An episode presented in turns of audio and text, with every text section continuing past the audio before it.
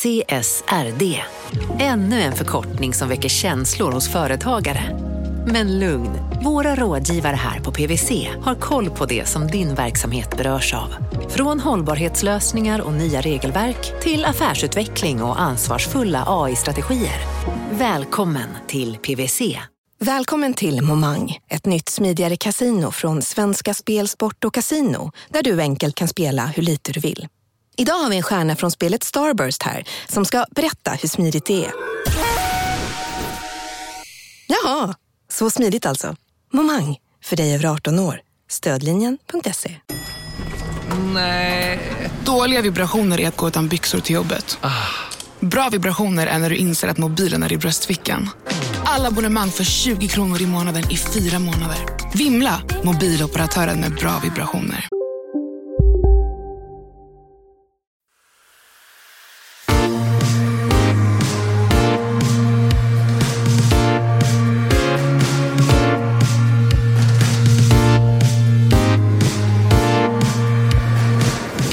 Hallå, hallå eh, och välkomna till ännu ett avsnitt av De kallar oss krypto. Fåglarna kvittrar, solen skiner och vi hoppas att ni mår bra var ni än är när ni hör det här. Jag som är programledare heter Mårten Andersson och som alltid vid min sida Gunnar Harrius. Hej Mårten. Hur mår du? Eh, jo jag mår bra. Vi befinner oss ju mitt i någon slags eh, värme men också någon slags bildningsresa i, i kryptovärlden som vi är självpåtagna konduktörer för. Ja, och eh, jag tror verkligen att vi lär oss lika mycket som, som våra lyssnare. Eh, och ambitionen med podden, om man inte har hört den förut, är ju att försöka eh, så brett som möjligt eh, eh, ja, men folkbilda kring krypto. Att inte prata över huvudet på våra lyssnare eller oss själva och våga ställa de kanske korkade frågorna. Eh, så att vi alla lär oss vad den här fascinerande världen eh, faktiskt är. Just det, och den här veckan så ska vi eh, spela upp ett gammalt kapitalavsnitt för er och det handlar om någonting som vi pratar ganska ofta om, eh, nämligen Dogecoin. Ja. Och det kommer säkert sitta eh, ett gäng bitcoin-maximalister där ute som tycker att vi eh, har sålt vår själ till djävulen eh, nu när vi gör någonting på en memecoin. Men vi resonerar inte så, utan vi tänker nog snarare att det har varit talk of the town och det vore ett slarv att inte faktiskt ta upp det i podden när vi just vill tänka brett. Precis, alltså så här, man kan säga att när jag började göra det här avsnittet som vi alldeles eh, strax ska höra, vi, vi, kan också säga att vi kan datera det här avsnittet till i mars i år. Det har ju hänt ganska mycket sedan dess, eh, men då har vi, har vi alla med oss. Men, men vi vill bara vara väldigt tydliga med att Dogecoin här, det är ju liksom inte huvudstoryn inom krypto, utan det är ju eh, Alltså ibland, alltså det är så sjukt tycker jag med Dogecoin, för att eh, ibland behandlas ju det som att det är någonting riktigt och som ska bli taget på allvar. Alltså, som jag hoppas att ni kommer få höra nu så är liksom hela premissen för det här är ju att det är ett skämt, det ska inte tas på allvar och det har nästan blivit som ett skämt om skämtet att det tas på allvar på något sätt. Det, det, det är, en, det är så himla märkligt fenomen. Ja, och, och mycket såklart eh, handlar ju om att en viss Elon Musk har gått ut och sagt att det dels ska vara valutan på Mars och att istället för bitcoin så ska man nu acceptera då Dogecoin som betalning för Tesla och massa annat. Eh, priset rusade ju upp under eh, en period och eh, eh var som högst precis före Elon Musk var med i Saturday Night Live. Efter det har det ju gått ja, kanske inte käpprätt åt helvete, men det har gått backat enormt mycket. Just det, precis. Um, vi ska nu lämna över till mig. Från mig Gunnar Harrius till mig Gunnar Harrius. Exakt, men också till vår eminenta kollega Jakob eh, Bursell. Han är också med och berättar eh, den här historien. Och det är en historia som faktiskt börjar med våran eh, poddkollega, får man väl säga. Konsensuspoddens Dia Brunner. Han flyttade från Östersund till Stockholm.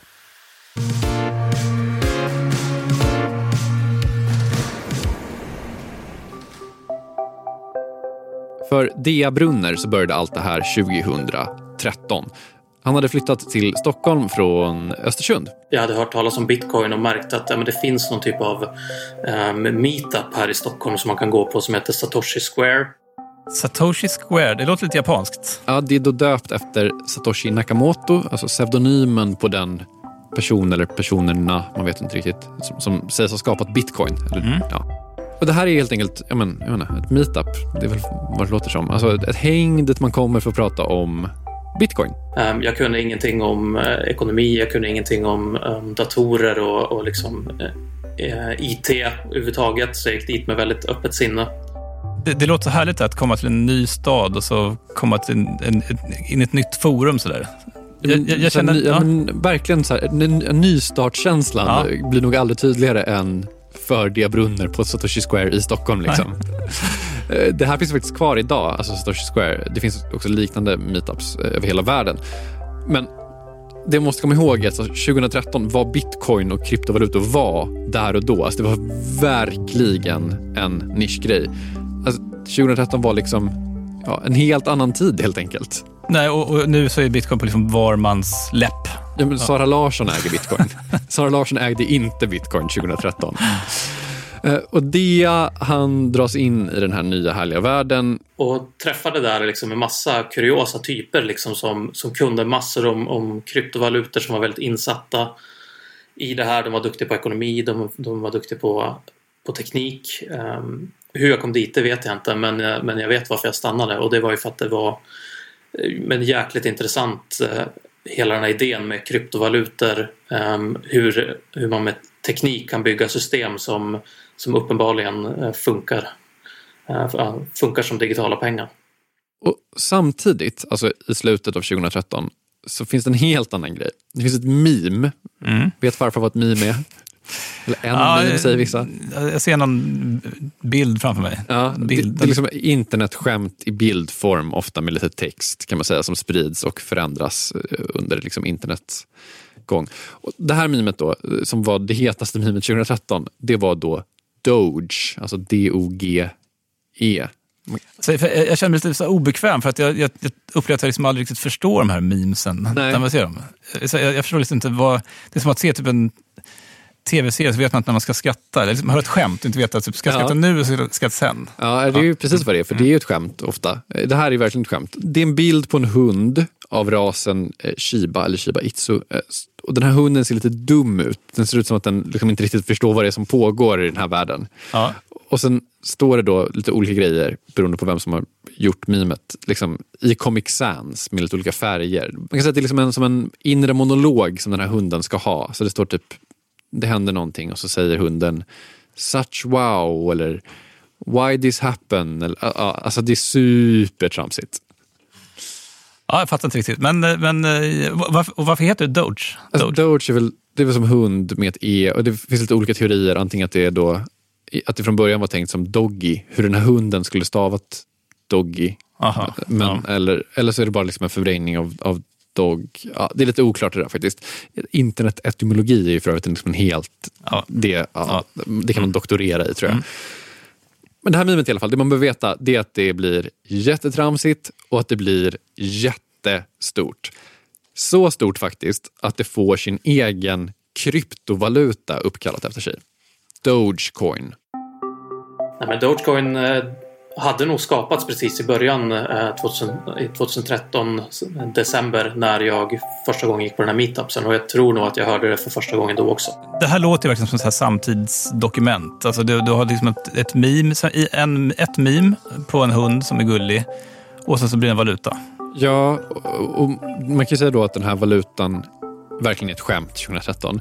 Och den har faktiskt förblivit ett skämt från 2013 fram tills för typ två veckor sedan. Och vad hände då? För två veckor sedan så blev Dogecoin plötsligt värt 8 miljarder dollar. Från Monopol Media, det här är Kapitalet. Jag heter Gunnar Harjus. Jag är Jakob Bursell. Den här veckan handlar det om Dogecoin. Skämtet som plötsligt blev blodigt allvar efter det här.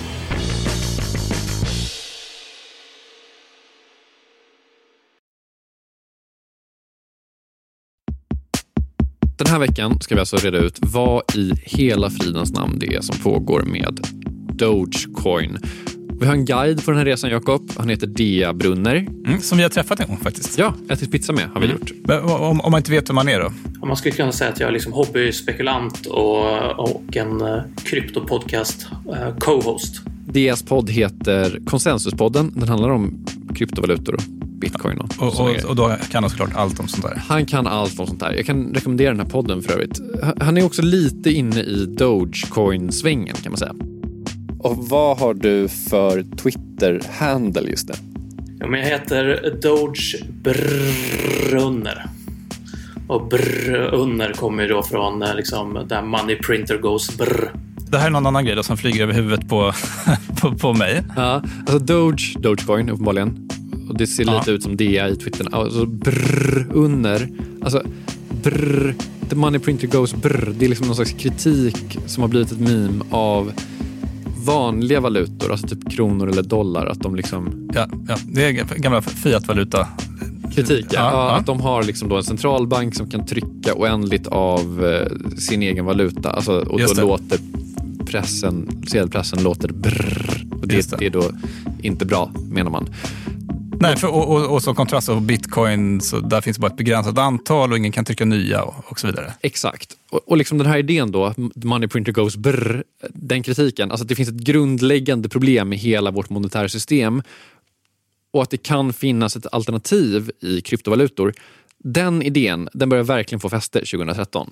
För det här är också samtidigt som, som eh, Mario Draghi säger, det börjar dra igång tryckpressarna i ECB och han ska liksom göra whatever it takes för att rädda den europeiska ekonomin. Exakt. Och så händer det här hundmimet. Det, det är liksom de, Mario Draghi känner nog inte till hundmimet, men, men kanske. Jag vet inte. Stjärnorna stod rätt. Exakt.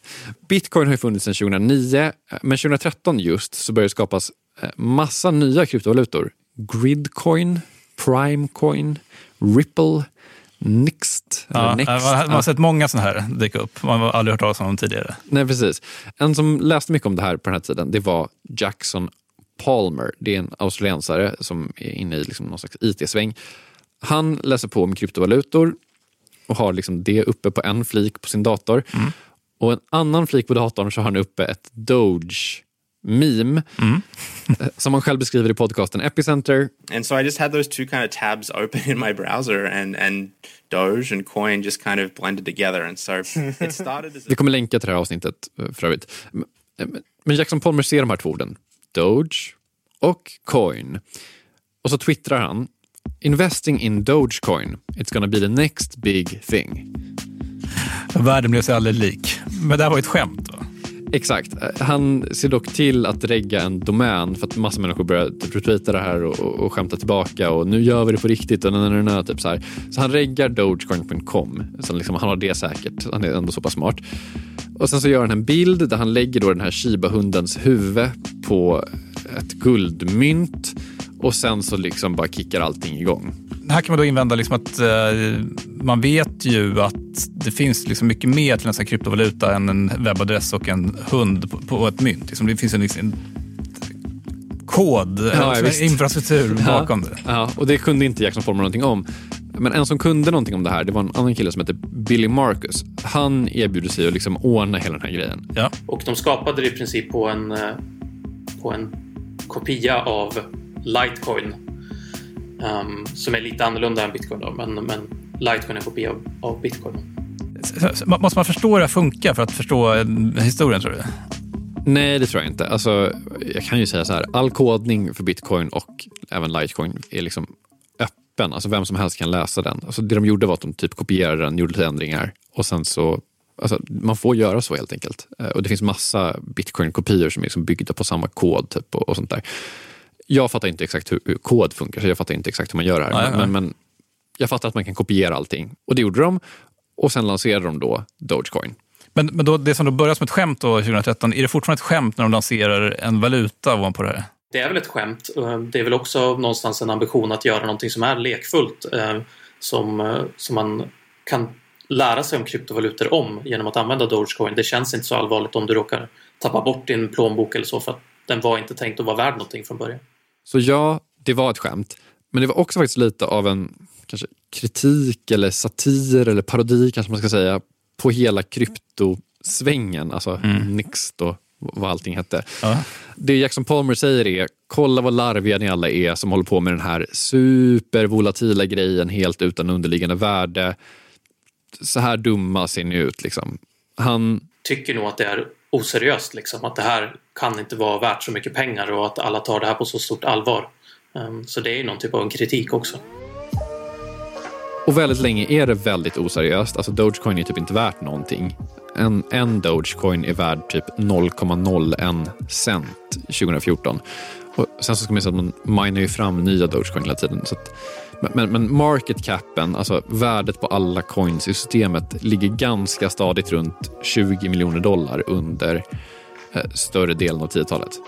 Det är, ändå, det är ändå 200 miljoner spänn. Det är ju fascinerande att det här bara skämtet, den här hunden och mimet och, och den här kopierade koden plötsligt liksom är värt 20 miljoner dollar. Jag alltså, fatta hur mycket arbete det tar att bygga upp ett företag som är värt 20 miljoner dollar. Liksom. Inte riktigt där. Nej, vi är inte där. Men det är ju faktiskt någonting med det där. Alltså, det är fortfarande ett skämt, hela grejen. Och det märks också ganska mycket i hela Dogecoin-communityt. Bland annat så var det inför något vinter-OS så hade det ett jamaikanskt um, släd, slädlag. Bob, eller bobslade kan man också kalla det. Kvalificerat sig till OS. Men de hade inte nog mycket pengar för att ta sig dit. Uh, och då var Dogecoin-communityt väldigt snabba med att starta igång crowdfunding och donera liksom Dogecoin och pengar så att de kunde ta sig till OS. Men, men allvarligt, gjorde de det? De gjorde det här. Eh, de gjorde också det här.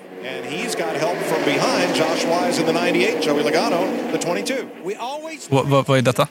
Det här är då Nascar, du vet den här amerikanska bilsporten där ja, kör ja. runt i en skitstor liksom, asfaltsvelodrom mm. i 200 km i timmen. Och det vi hör är Josh Wise som kör upp i ledningen i sin Dogecar. han har fått spons av Dogecoin-communityt på sin Nascar.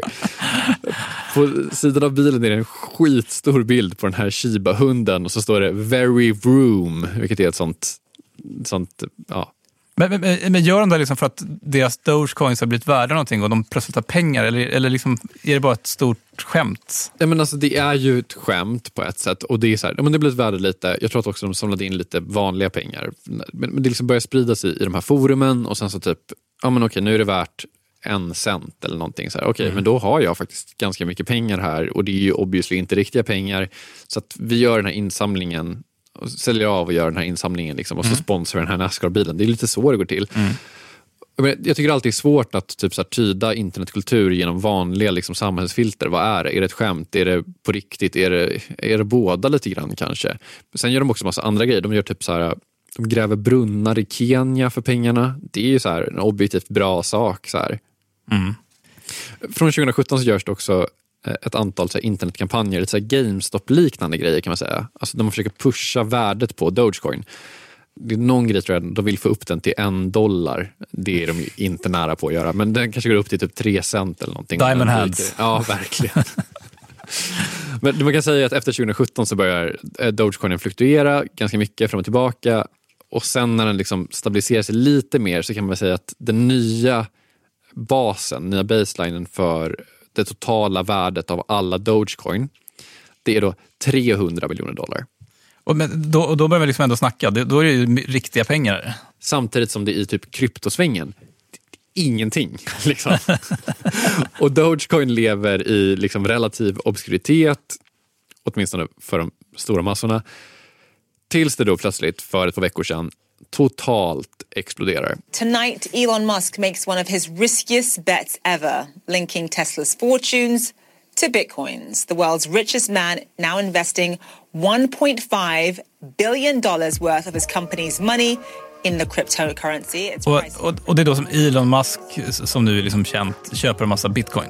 Precis, och då stiger ju då eh, priset på bitcoin till någon slags all time high och är bara, ja, kursen går bananas. Och, och hänger då Dogecoin med bara farten? Eller, eller vad, vad, liksom, hur hänger det ihop? Där? Ja, men alltså, lite hänger det med bara farten. Det, det liksom uppstår någon slags allmän krypto-hype där alla känner att krypto är på riktigt och om världens rikaste människa tycker att det är på riktigt så vem är jag att ifrågasätta det? typ. Mm. Det blir liksom bara en allmänt peppig kryptostämning kan man säga. Ja. det är det ena som händer. Det andra som händer det är liksom att alla blickar vänds mot Elon Musk. Ja, det brukar ofta hända. Han, han tycker om det också. Han tycker om det.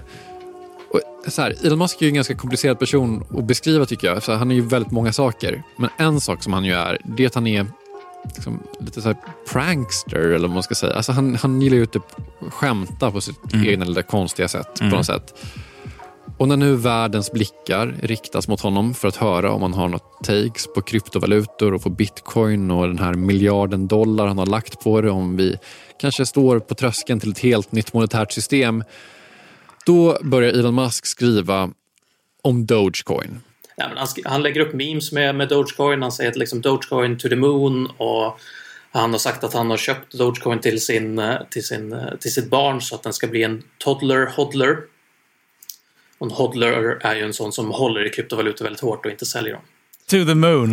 To the moon. Kursen rusar. Eh, På toppen är Dogecoin värt 8 cent. Eh, Nu den 19 februari klockan 12.14 så är den värd 5 cent. Men det är ändå en sjuk uppgång jämfört med vad den var värd för bara typ ett par veckor sedan. Men det här är, det här är väl ändå verkligen nya så här, tulpan... Alltså, så här, det, det är ju galenskap någonstans. Det är klart det är galenskap.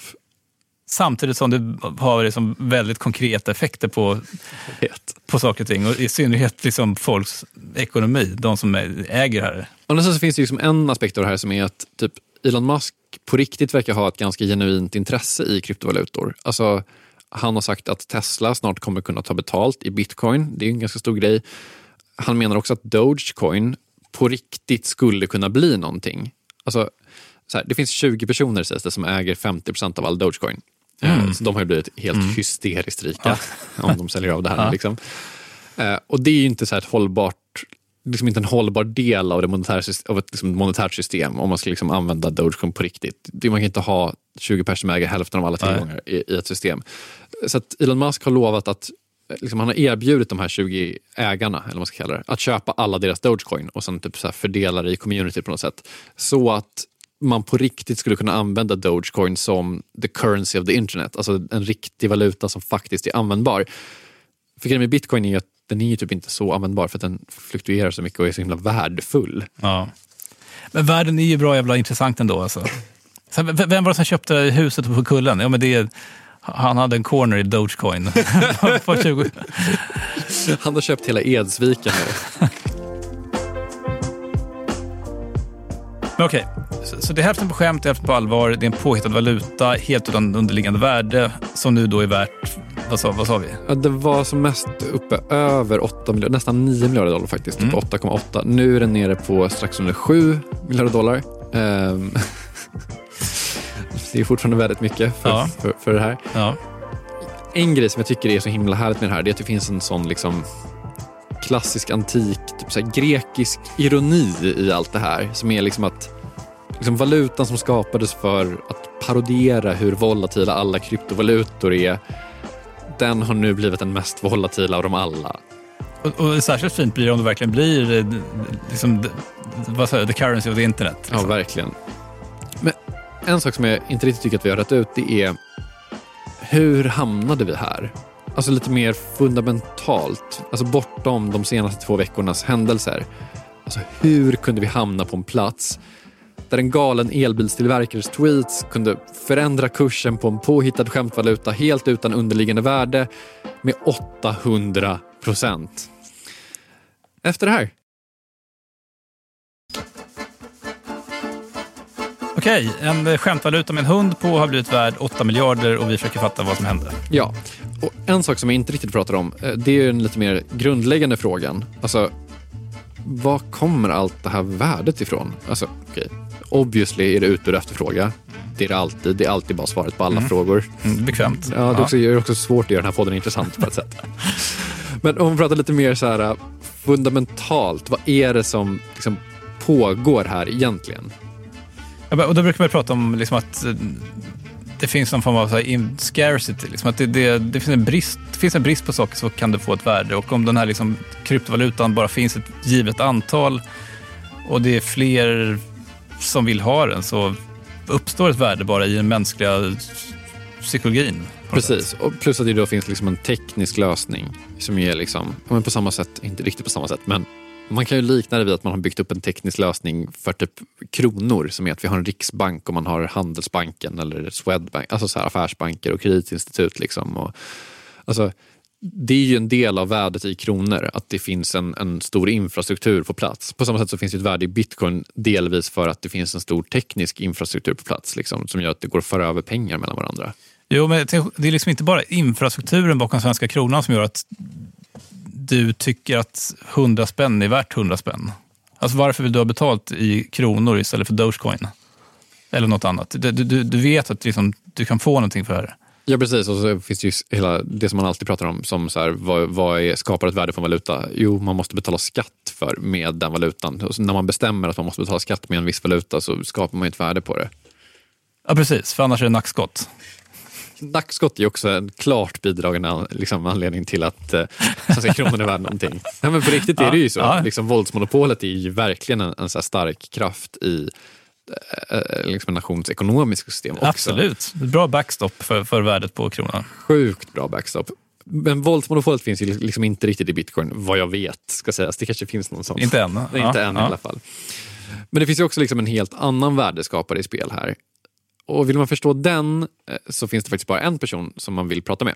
Yes, jag, jag heter Claire Ingram Bogush. Uh, jag är ekonomidoktor på Handelshögskolan och lektor på um, institutionen för informatik och media på Uppsala universitet. Du känner ju Claire lite grann.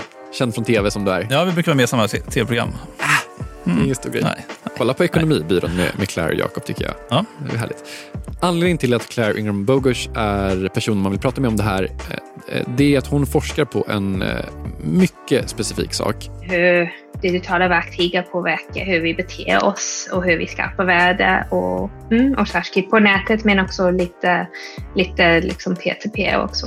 Och, och, då är bitcoin ett exempel på hur, hur värden skapas på nätet? Precis. Och hur gick det till? Vad, vad menar hon att det här värdet kommer ifrån? Satoshi Nakamoto har skapat värde från, från luften nästan. Um, det var en idé som uh, ja, attraherade ganska många och blev del av deras identitet och många satsade på att lära sig tekniken och, och, köpa infrastrukturen som behövs för att bygga bitcoin. Och sen har bitcoin blivit så transformativt att det är liksom hundratals andra nya kryptovalutor som har inte med bitcoin att göra. Och sen till och med central bank currencies, digital currencies, som, som också um, har någon slags koppling till bitcoin. Man kan väl säga att det här är verkligen en sån stark bidragande orsak till att kryptovalutor har ett värde överhuvudtaget. Alltså, de får sitt värde för att grupper av människor menar att det har ett värde. Alltså, de har investerat jättemycket tid och också typ vanliga pengar att bygga typ en eh, miningdator. Mm. liksom. Eh, och de här gruppernas egna värdeskapande, det är liksom med och sätter värdet i valutan på något sätt. Det finns liksom en in-group value-grej going. För psykologerna brukar snacka om det som heter the endowment effect. Där liksom, om, du, om du lägger tid på att snickra ihop ett nytt köksskåp, alltså det, det, det, det får ett högre värde för dig bara för att du har lagt ner din tid. Liksom rätt eller fel. Ja. Det, är liksom, det är någon sån irrationell grej egentligen. Men det finns också något som heter sunk cost fallacy som är, liksom är om du har investerat tid i någonting så är det mindre troligt att dra dig ur. Alltså typ om du har köat i 20 minuter i en kö, då kommer du stå kvar fast egentligen är or... Alltså, Ja, men precis. Och då är det rimligt då kanske att de, de här människorna som har investerat både tid och pengar i de här kryptovalutorna, för dem har det här ett värde. Och har ett värde för dem så kommer det ha ett värde för andra också. För då kan man ju typ sälja saker till dem eh, och, och ta betalt med, med sån här krypto eller tvärtom. De, de beter sig som, som bitcoin kommer att överleva. Det, det, det händer just eftersom folk tror på den. Um, det, det, är ju, det kallas för animal spirits. Varför tror vi på guld? Um, det, det, är inte som vi kan använda guld. Det, det, är ingen liksom, valuta heller, betalningsmedel heller. Det är väldigt svårt att köpa en kaffe för guld. Um, men folk tror på det. De har satsat på den. Så folk tror på bitcoin och krypto för att folk tror på bitcoin och krypto? Ja, men någonstans är det väl typ så. Alltså, ju fler som tror på bitcoin, desto mer relevant blir det ju också. Och liksom, Claire tror kanske inte att Teslas grej kommer ge jättemycket legitimitet till, till hela det här bitcoin-projektet. Men hon menar att det finns massa andra saker som pågår just nu som faktiskt gör det. Till exempel att man kan köpa bitcoin futures på börsen i, i vissa länder. Um, och att det finns många väletablerade professionella investerare som har bitcoin i deras portfölj. Och, och det här säger mycket mer om ja, idén att bitcoin är här för att stanna. Det är inte bara en person och det är inte bara han skriker en från Twitter. Nej, men jag tror att man beskriver det som att i början går det sakta och sen plötsligt går det jävligt fort. Och det är väl det som jag tror man ser nu. Det går fortfarande sakta. Det är de mest innovativa företagen, de mest eh, riskbenägna företagen som går i fronten för det här. Men eh, man skulle väl kunna säga att det, det krävs ju såklart fortfarande att mer företag från den mer traditionella ekonomin um, väljer att göra det här. Det finns liksom en stark eh, liksom, kultur runt de här kryptovalutorna. Som mm. De har fans i princip. Men det finns en annan grej som är spel här också. Det är den här liksom, kulten som har uppstått kring Elon Musk. Claire kallar det faktiskt för just the cult of, of Elon Musk. För att så här, folk följer honom. Han har liksom blivit en så konstig blandning mellan en influencer och världens rikaste man. Och en seriefigur. Ja, men ja. exakt. Han är ju väldigt många saker. Och, och, och, då blir han också med, eller den här gruppen blir med och påverkar liksom, i den här bitcoin-ruschen och dogecoin. dogecoin ja, verkligen. Ja. Alltså, för honom blir det någonstans också självuppfyllande efter ett tag. Alltså, allting Elon Musk rör förvandlas till guld för att allt han hittills har rört har förvandlats till guld. Men, och den här liksom, tvistade logiken dras ju liksom ytterligare ett varv till då när, när någonting som man skämtar om, uppenbarligen skämtar om, eh, blir värt, eller förvandlas till guld. Nej, men det, det är ju kanske min kritik mot Elon Musk. Att jag tror att han säger saker som för honom är uppenbart att det är ett skämt. Men jag tror inte att gemene man är med på att det här faktiskt kanske inte är en så jättebra valuta. Liksom. Riktiga människor kommer köpa den här i tron om att Elon Musk återigen har hittat någonting som är fantastiskt som han tror på. Ja, men i verkligheten så är det så att någon, någon köper de här kryptovalutorna av någon annan som tjänar massa pengar på det och sen så blir man en så kallad bagholder. Du liksom sitter med de där valutorna och de går ner i pris och du får helt enkelt någon gång i framtiden realisera en stor förlust. Och det här har ju det såklart rätt i. Det kan ju bli så att det är folk som... Alltså om du köpte på toppen och säljer idag så har du redan förlorat pengar. Liksom. Men det kan ju bli så att Dogecoin faktiskt blir the currency of the internet och allt det där. Mm. Men en sak som jag tycker att vi faktiskt borde bara ha lite bara, bara för att få lite perspektiv på de här grejerna. Det är hur sjukt stort det ändå har blivit med krypto. Liksom, det här är faktiskt någonting annat än bara typ någonting Elon Musk twittrar om och så får det effekt. Alltså, det har varit så fruktansvärt lukrativt att mm. investera i kryptogrejer de senaste tio åren. Framförallt de då som verkar ha varit här för att stanna. Det här är liksom inte en grej som jag tror vi tagit in ordentligt, tror jag. Nej. Det svenska bolaget Evolution Gaming är ju en framgångssaga och som har gått upp med tror jag, 5000 procent sedan de introducerades 2014. Ehm, om du samtidigt istället för att investera i Evolution Gaming hade stoppat in dina pengar i Dogecoin. Om vi säger att du hade stoppat in 1000 i Evolution Gaming, då hade du nu haft 50 000 kronor. Om du istället hade stoppat in dem i Dogecoin, då hade du haft 500 000 kronor. Så trots att det är ett skämt så har det också gått upp extremt mycket i värde, till och med bättre än de, liksom, de bäst presterande aktierna på svenska börsen. Det är fascinerande också för att det tar så lång tid för sådana här fenomen att sätta sig. Mm. Alltså under väldigt många år så, så avfärdades ju kryptovalutor som ett skämt. Ja, men, och, alltså, så många gånger jag tänkt att man borde köpa lite bitcoin och ha avfärdat det som att nej men det är för sent. Ja. Precis, det här tåget hade, gick för länge sedan. Hade jag köpt det, första gången eh, jag tänkte att det var för sent, satan, då hade jag inte behövt eh, Sitta här. skriva manus för pengar. Men med allt det sagt, jag äger just nu 1681 Doge och 0,019 bitcoin. Igår var de värda lika mycket. Jag tror typ att de är värda lika mycket idag också. Mm. Uh, vilken tro, liksom, om du får göra du, du får ta rygg på mig här. Du får köpa en av de här. Vilken kommer det bli? Nej, men jag, jag, blir som, jag, jag blir sugen på att köpa båda. Så, så vi kör båda två. Då, då ryggar vi. Vi, vi dubblar här. Vi dubblar här. alltså, det finns faktiskt ett case för att Dogecoin är den bästa av de här två eh, investeringarna. För att liksom, den valuta som vinner, om det nu bara blir en valuta, liksom, den, det kanske blir så att den väljer vi just för att det är kul. Att vi väljer Dogecoin för att det är ett skämt, för att det finns en inbyggd ironi i det. Att det är så här, det är en bra story. Och det kanske räcker för att typ sälja in Dogecoin som den faktiska valutan på internet. Det här sa faktiskt Elon Musk själv när han fick några frågor om Dogecoin på gatan av några så skrikande fans typ? Uh, well, there you go. You know, I, I think it's actually the, the, the point is that Dogecoin was invented as a joke, as essentially to make fun of cryptocurrency, um, and that's why uh, I, th- th- I think there's like an argument like fate loves irony. The, like the most entertaining outcome is the most like what would be the most ironic outcome that the, the that the currency that was invented as a joke in fact becomes the real currency. Right? No, absolutely. So, to the moon. To the moon. Kanske är alltså det mest underhållande utfallet också det rimligaste.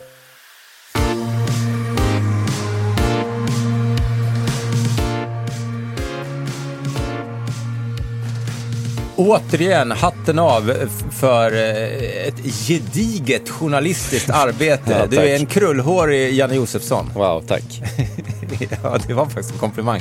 eh, jättebra avsnitt, eh, tycker jag. Och du, eh, jag vet inte om du var inspirerad eh, av ditt eget avsnitt eh, i kapitalet eller av något annat, men du köpte ju Dogecoin.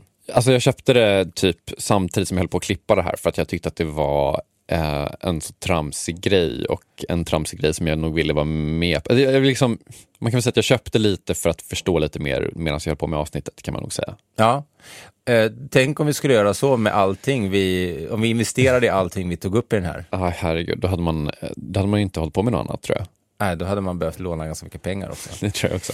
Eh, men, men vad intressant. Och eh, hur har det gått för dina eh, Dogecoins? Alltså typ helt okej. Okay. De var ju upp, liksom, ett tag var de ju upp flera tusen procent. Det var ju helt sanslöst. Nu har de ju gått ner jättemycket eh, igen, men de är ändå upp svinmycket från i mars när jag köpte, eh, vilket ju är, alltså jag hoppas det framgår av det här liksom, avsnittet, men, men ni kanske kan skippa det, eller ni gör ju som vi vill, liksom. Mm. ingen investeringsråd sådär, men, men jag hade kanske inte sålt huset och köpt Dogecoin för det om vi säger så. Nej, just det. Eh, det hade nog inte jag heller. Men som sagt, eh, varken eh, avrådan eller, eller, eh, eller eh, vad är motsatsen till avrådan? jag är så trött. råd.